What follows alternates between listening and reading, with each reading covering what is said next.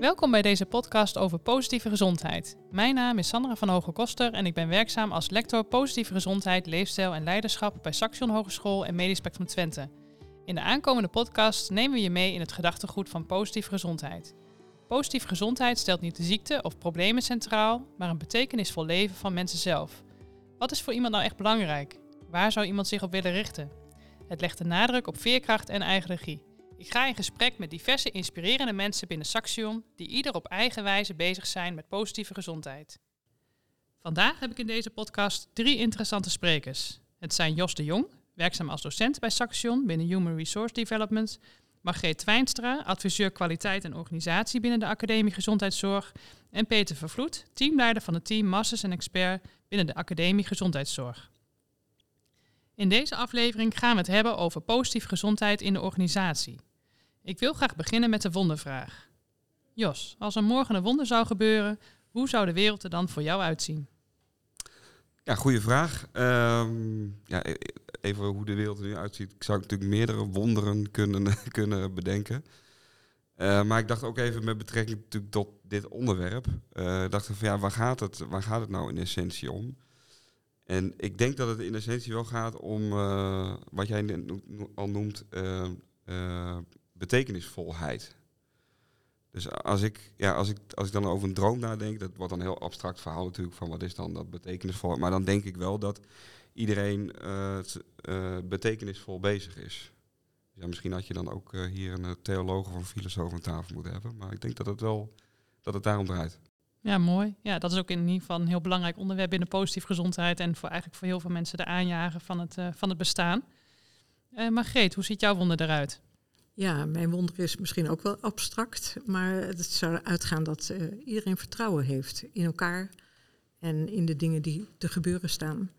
En dat betekent dat er minder argwaan is en minder wantrouwen over agenda's of belangen. Maar dat vanuit die open mind uh, er wordt samengewerkt. Ja, mooi. En Peter, heb jij nog een. Uh, Zeker. Ik zou willen dat we morgen meer lenigheid tonen in het denken aan handel in perspectieven. Dat je elkaar meer begrijpt. En dan bedoel je dan ook dat je beter naar elkaar luistert, bijvoorbeeld? Of, uh, dat sowieso, dat sowieso. Ik denk dat wat Margreet aangeeft, vertrouwen daarin ook wel belangrijk is. Uh, maar het vraagt ook wel om een zekere lenigheid om vanuit verschillende perspectieven te handelen en te denken. Of te denken en te handelen. Ja, ja, ja. veerkracht ook. Ja. ja. Margreet, je hebt een uh, training gevolgd bij het Instituut voor Positive Health over implementatie van positieve gezondheid binnen de organisatie. Wat is er nou voor nodig om positieve gezondheid goed in te kunnen binnen, binnen een organisatie? Nou, een van de dingen die ik heb geleerd is dat je grote veranderingen in kleine stapjes moet opdelen. Dus uh, iets groots als positieve gezondheid gaan vormgeven moet klein beginnen. Dus ik ben een enorme fan van pilots en learning communities en allemaal kleine cellen waarin je de verandering kan uh, zien uh, plaatsvinden. Bijvoorbeeld ook eigen regie. Hoe, hoe, ziet dat er dan uit in een organisatie? Nou, niet hoog over iedereen tegelijk dat laten doen, maar beginnen met kleine pilots daarvan leren. Ja, kun je eens een voorbeeld van een pilot uh, noemen? Nou, een van die pilots is inderdaad uh, hoe geef je eigen regievorm. Um, een van onze opleidingen is een relatief kleine opleiding, die daar uh, echt open voor staan en mee aan de slag willen. Dus ja, dat maakt het ook heel kansrijk om dan te zeggen, wat gaat er gebeuren als je eigen regie op teamniveau gaat installeren. Ja, mooi. Dus uh, in kleine stapjes uh, beginnen, zeg maar. En nou ja, overal proberen om te kijken wat werkt en wat misschien ook niet, uh, niet werkt. Peter, jij bent werkzaam dus als teamleider binnen de Academie Gezondheidszorg. kun je nou ook een specifieke rol als teamleider vervullen om een bijdrage te leveren aan positieve gezondheid? Ja, zeker wel. Ik sluit dan ook aan bij wat Margreet zegt over regie. Uh, wat mij betreft, als je positieve gezondheid beziet als iets wat je wil doen voor cliënten, voor patiënten en anderen kijken op zorg, moet je dat ook in, je samenwerking laten zien. En dus alle begrippen van positieve gezondheid ook daar naartoe vertalen. Dus ik refereer regelmatig aan regie, autonomie, veerkracht. Uh, maar dat betekent ook dat je andersoortige gesprekken hebt met elkaar.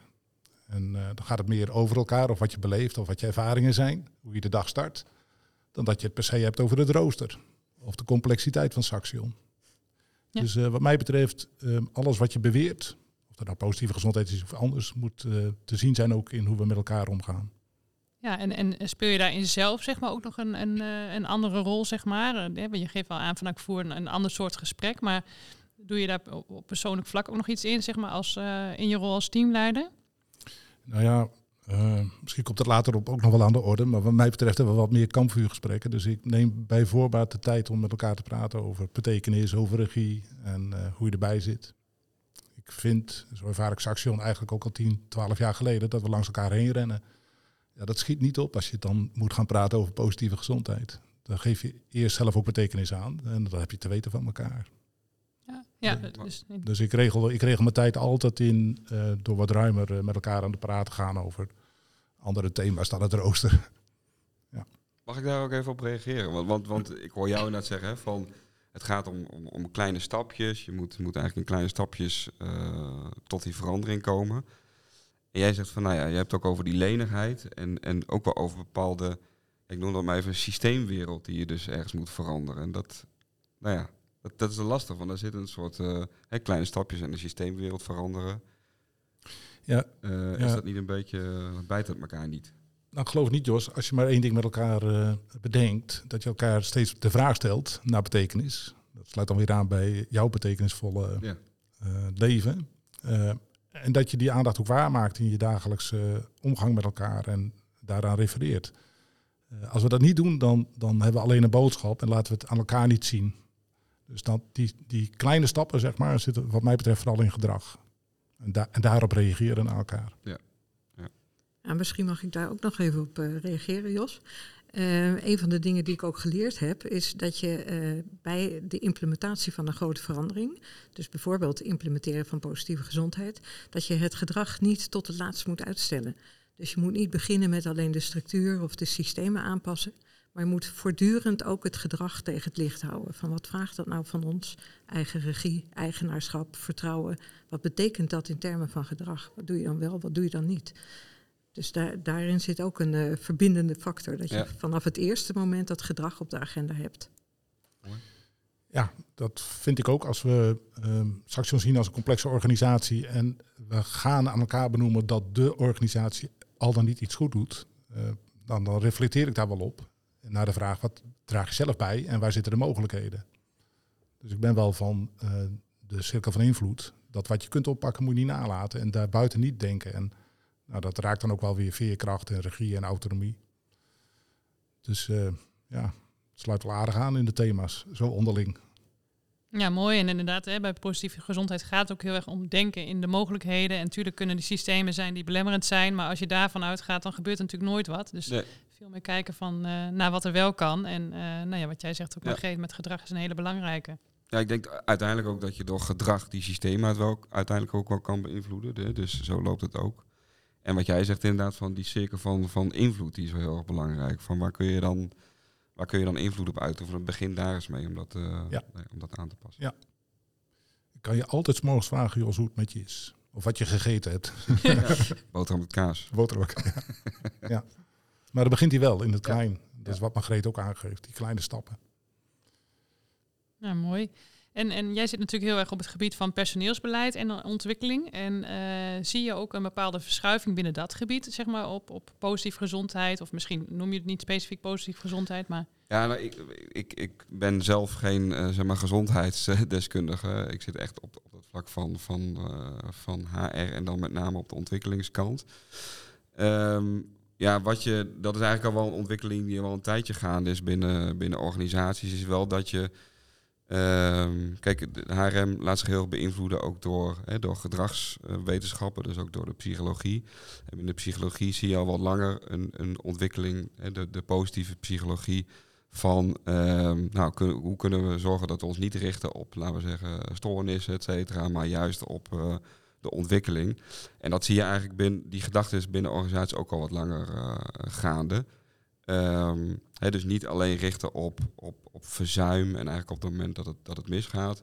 Ook niet op uh, het voorkomen van, uh, van ziekte door bepaalde doelgroepen aan te pakken, maar juist te kijken naar hoe kunnen we zorgen dat alle medewerkers nou ja, bevlogen uh, en, en betekenisvol bezig zijn. Ja, en in, in HRM wordt het ook hè, de van curatieve naar preventieve naar een, een dat noemen ze een amplitie aanpak. Hè, dus hoe zorgen we nou dat iedereen meedoet? Um, Goed, dat is de theorie. Eh, als, je het als je het hebt over de praktijk, ja, natuurlijk heel veel organisaties zijn nog wel degelijk bezig met dat verzuim en proberen die problemen aan te pakken. En dat is op zich ook wel logisch. Dus, dus de praktijk is nog wel weer barstig waar het gaat om, zeg maar, om die amplitieve aanpak te bezigen. Ja, ja, en dat vraagt natuurlijk ook uiteindelijk ook een rol van, van uh, teamleiders bijvoorbeeld om daar op een andere manier uh, mee om te gaan. Worden die ook getraind of, of hoe, uh, nou, dat is denk ik wel een belangrijk aandachtspunt. Dat je dus. Uh, maar goed, dan komen we een beetje weer op dezelfde thematiek uit. Zo'n aanpak moet je, ja, moet je, moet je stapsgewijs moet je die, moet je die aanpakken. En dat betekent onder andere dat je je leidinggevende zou kunnen trainen. Maar er zijn nog een hele, hele hoop andere dingen die, die je zou kunnen doen.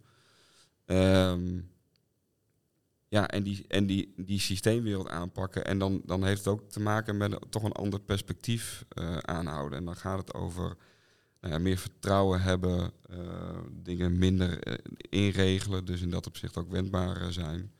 Dan gaat het toch wel even over dezelfde dingen die we net ook noemen. Ja, eigen regie inderdaad. En dan is denk ik trainen is één van de dingen, maar ja, je moet het ook denk ik dingen anders inrichten. Hè? Dus je zou kunnen zeggen van je, je planning- en ontwikkelingsgesprekken moet je dan anders gaan, uh, gaan aanpakken. Um, um, nou, in, je, in je aannamebeleid zou je wat dingen kunnen doen. Um, maar goed, dat ja.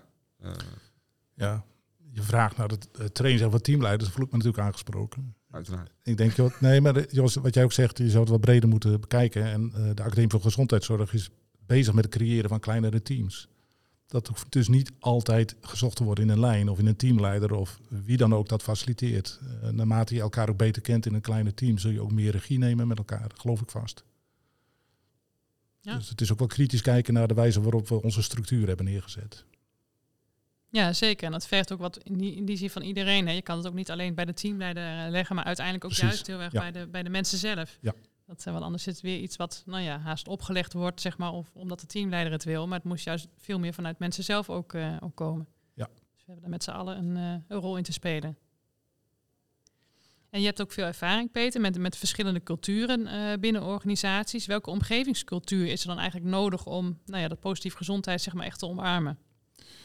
Nou, ik heb er al één genoemd. Hè. Dat is de grootschaligheid of zo je wil kleinere teams. Dat vind ik een erg belangrijke. En ehm, nou, dat put ik ook wel wat uit het Rijnlands denken en aan organiseren. uiteraard, die komt ook uh, langs. En uh, ook een andere manier van besluitvorming. En dat zoek ik dan weer in uh, Deep Democracy. Hoe krijg je dus de verstopte weerstand of de mening van de minderheid mee in, in het besluit wat je wil nemen met elkaar? Dat vraagt ook wel om een, een, een benadering waarbij je de vragen stelt naar weerstand en de vragen stelt naar wat mensen hindert. En tegelijkertijd ook naar de mogelijkheden zoekt. En nou, het punt wat ik wel belangrijk vind is dat die kleinschaligheid uh, voorop staat. Ik heb dus grote organisaties meegemaakt en kleine organisaties, ook kleinschalige zorgvoorzieningen. Ja, daar is geen stafafdeling HRM, er is geen opleidingsfunctionaris, er is niet een uh, manager facilitaire dienst. Dat doen de mensen met elkaar, die pakken dat op. Dus ook in dat geval vaak refereren aan het dagelijks leven en niet aan, aan dat een structuur of een organisatie in zijn complexheid het bepaalt. Want dan krijg je hier de standaardisatie. Dat, dat heb je te voorkomen in een organisatie, dat iets te veel standaard wordt. Dus maak het vooral heel klein. En dat kan ook binnen grote organisaties hoor, daar niet, daar niet van. Maar uh, de kleinschalige voorzieningen die ik nu meemaak, die, die hebben het eigenlijk niet over positieve gezondheid, maar stralen dat vanzelf uit. Dat zit in de genen. Ja, ja mooi. Krijg je dat ook mee, uh, Margreet, in de, in, de, in de training die je hebt uh, gedaan, dit soort dingen? Um, ja, klein beginnen dus. dat was er één. En als ze dan echt uh, over de rol van, van de lijn hebben, hè, wat kunnen die dan doen? Ja, dan zou ik vooral zeggen, goed voorbeeld doet, goed volgen. Er zijn natuurlijk legio instrumenten die uh, teamleiders kunnen helpen om op een andere manier gesprekken te voeren, of binnen het team of in de gesprekscyclus. Maar het gaat vooral om, ja, we zijn een professionele organisatie met veel expertise aan boord en veel mensen met meningen. Maar het gaat er vooral om om met elkaar het goede gesprek te voeren. En meer vanuit een dialoog met elkaar in, in contact te zijn. En dat is nog wel eens moeilijk om die meningen even te souffleren, zeg maar. En, en ruimte te maken voor echte belangstelling voor elkaar. Ja. Dat hadden wij vorige week, Margreet. De dialoog, ja. De dialoog. Peter, de ja. dialoog, ja. ja. Het ging niet meer over meningen, maar meer waar zit je en hoe bezie je zeg maar, de problematiek in een organisatie? Dus je toch meer op uitwisseling. En dat is denk ik heel ontwikkelingsgericht. Om dat uh, ja, met elkaar uh, te omarmen en, en te leren. En ik denk dat we daar nog wel een stap te maken hebben. Ik zie hoe moeilijk mensen het vinden om open vragen te stellen. Hoe is het met je? Wat heb je gegeten vanochtend? Om maar heel eenvoudig iets te noemen. Maar mensen vertrekken vaak vanuit een mening of vanuit een retorische vraag. En de cultuur die we willen is die van belangstelling en verdieping in elkaar en uh, echt, echt verder komen. En durven doorvragen. Ja, ja. ja echt het, het andere gesprek. En, um, en, jullie zijn natuurlijk ook bezig met een learning community op het gebied van positieve gezondheid. Kun je daar iets meer van vertellen wat daar de ideeën van uh, gaan zijn? Nou, daar is echt het idee dat uh, de community zelf uh, verantwoordelijk is voor wat ze willen bereiken. En de facilitering van de leergang, zeg maar, of de training daaromheen, is ja, elkaar um, de dialoog helpen voeren en, en dat onderzoek met elkaar aangaan. En dus eigenlijk de voorwaarden installeren om als community zelf stappen te kunnen maken en die eigenaar, uh, eigen regie te pakken, het eigenaarschap te pakken. Dus uh, de training is niet van de inhoud, maar meer van die context. Ja, ja mooi. Uh, Margreet heeft mij vorige week geïnformeerd daarover. Ik kan niet deelnemen vanwege de tijd. Dat vind ik allemaal wel jammer. Uh, maar waar we ook op uitkwamen, is dat dit nou bij uitstek ook iets is waar je niet uitkristalliseert of plant van A naar B, uh, maar het aan de mensen zelf laat. En dat faciliteert. Dat heeft alles weer te maken met positieve gezondheid.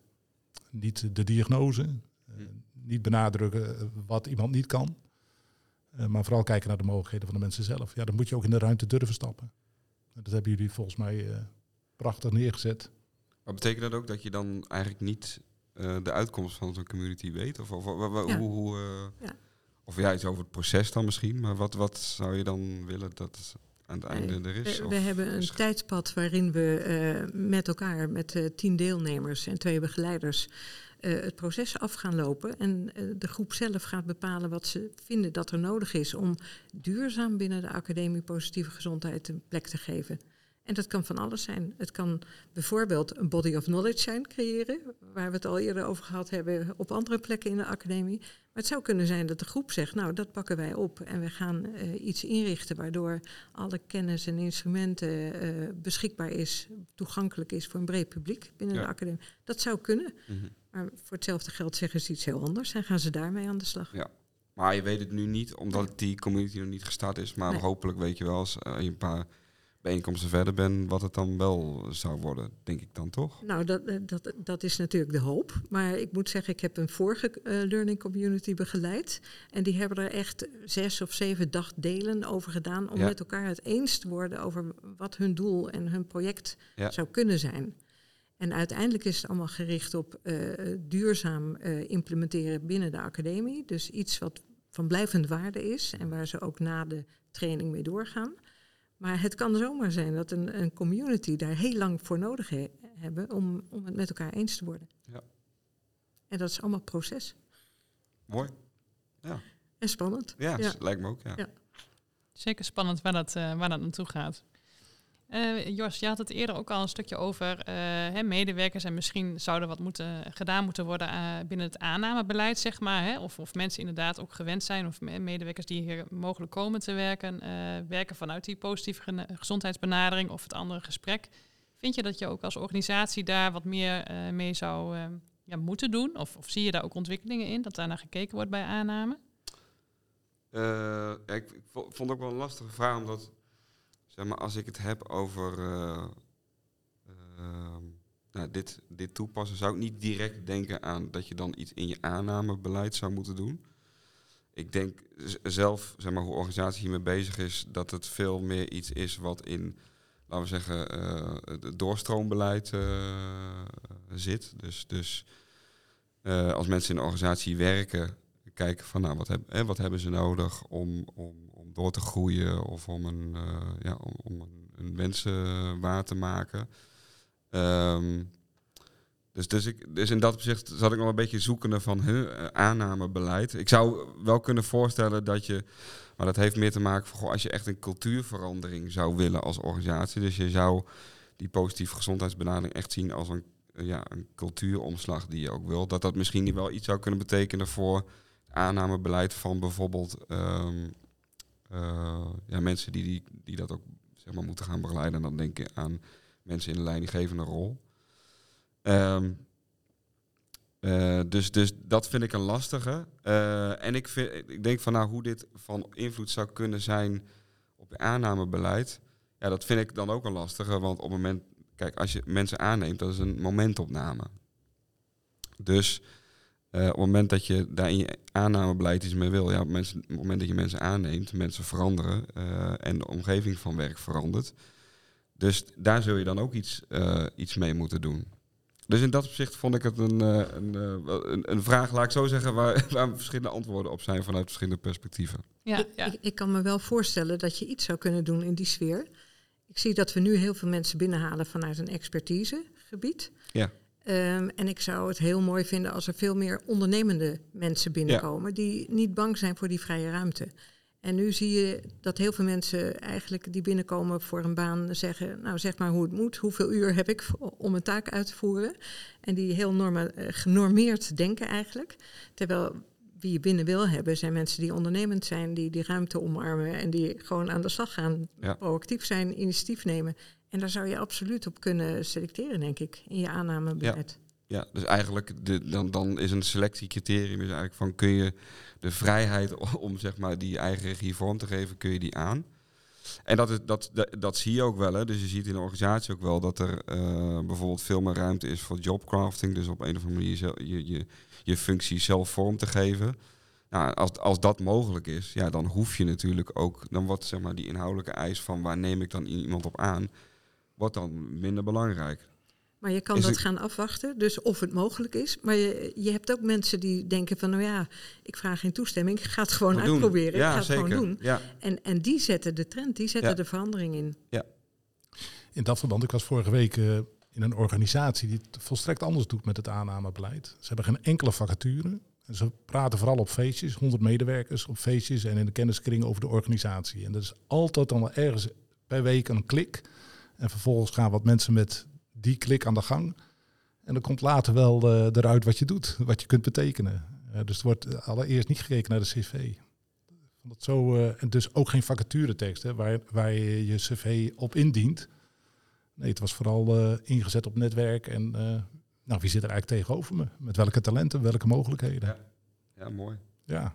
Je hebt nu wel sowieso, dat zijn ook wel twee leuke trends. Uh, je hebt natuurlijk de, open hiring uh, trend. Hè? Dus dat, dat, dat bedrijven zeggen van, nou ja, maakt niet uit wat voor achtergrond je hebt. Als je überhaupt interesse hebt in de vacature, dan uh, ben je welkom. Maar dat is ook meer ingegeven door de krapte van de arbeidsmarkt om op die manier te werken.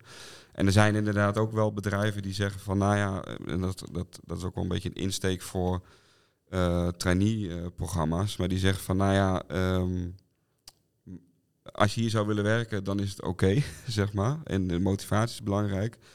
En je krijgt een jaar om de tijd om, laten we zeggen, in de organisatie rond te kijken van wat zou iets voor mij kunnen zijn.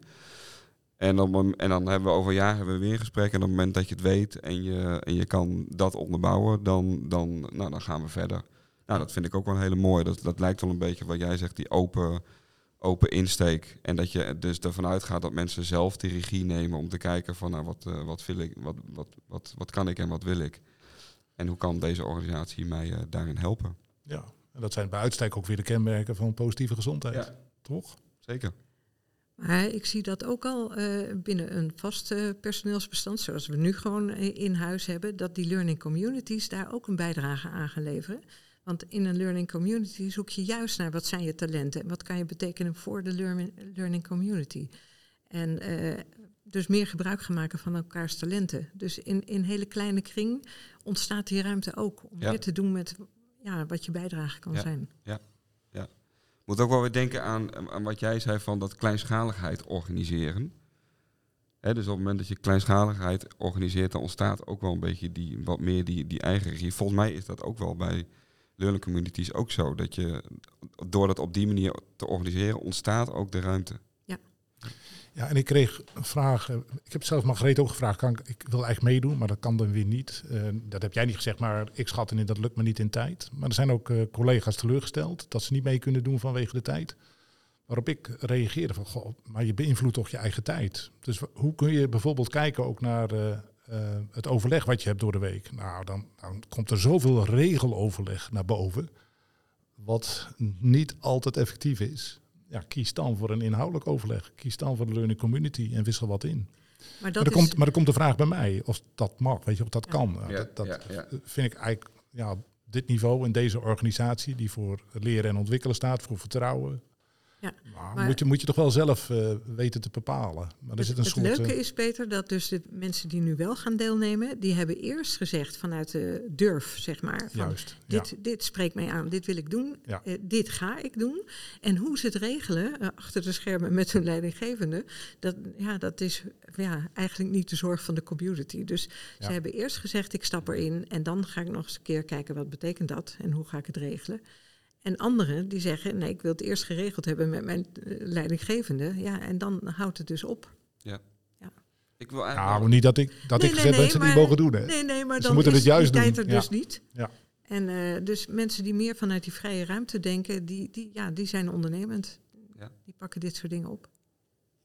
Mooi, ja. Ik, ik denk dat het een, in die zin een hele mooie uh, ontwikkeling is, zeg maar, dat we voor de medewerkers zelf dat die ook zeg maar veel nou ja, eigen regie kunnen laten zien. Het vertrouwen in de organisatie uh, is er wel, maar uh, pak ook dan je kans zeg maar. En als je daar talent voor inzet, doe dat dan ook vooral. dus daar is nog wel wat te doen, niet alleen bij de, bij de teamleiders, hoor ik duidelijk zeggen, ook niet alleen bij het aannamebeleid, maar eigenlijk hebben we er allemaal een, ehm, ja, iets, een, iets in, in te doen met elkaar. En, en vooral die, het gesprek erover met elkaar aan te gaan en denken in, in mogelijkheden. Hebben jullie tot slot nog een tip of iets dat je mee wilt geven aan de luisteraars? Margreet. Ja, ik heb het misschien al genoemd in het voeren van de dialoog, hoe belangrijk het is om open vragen te stellen.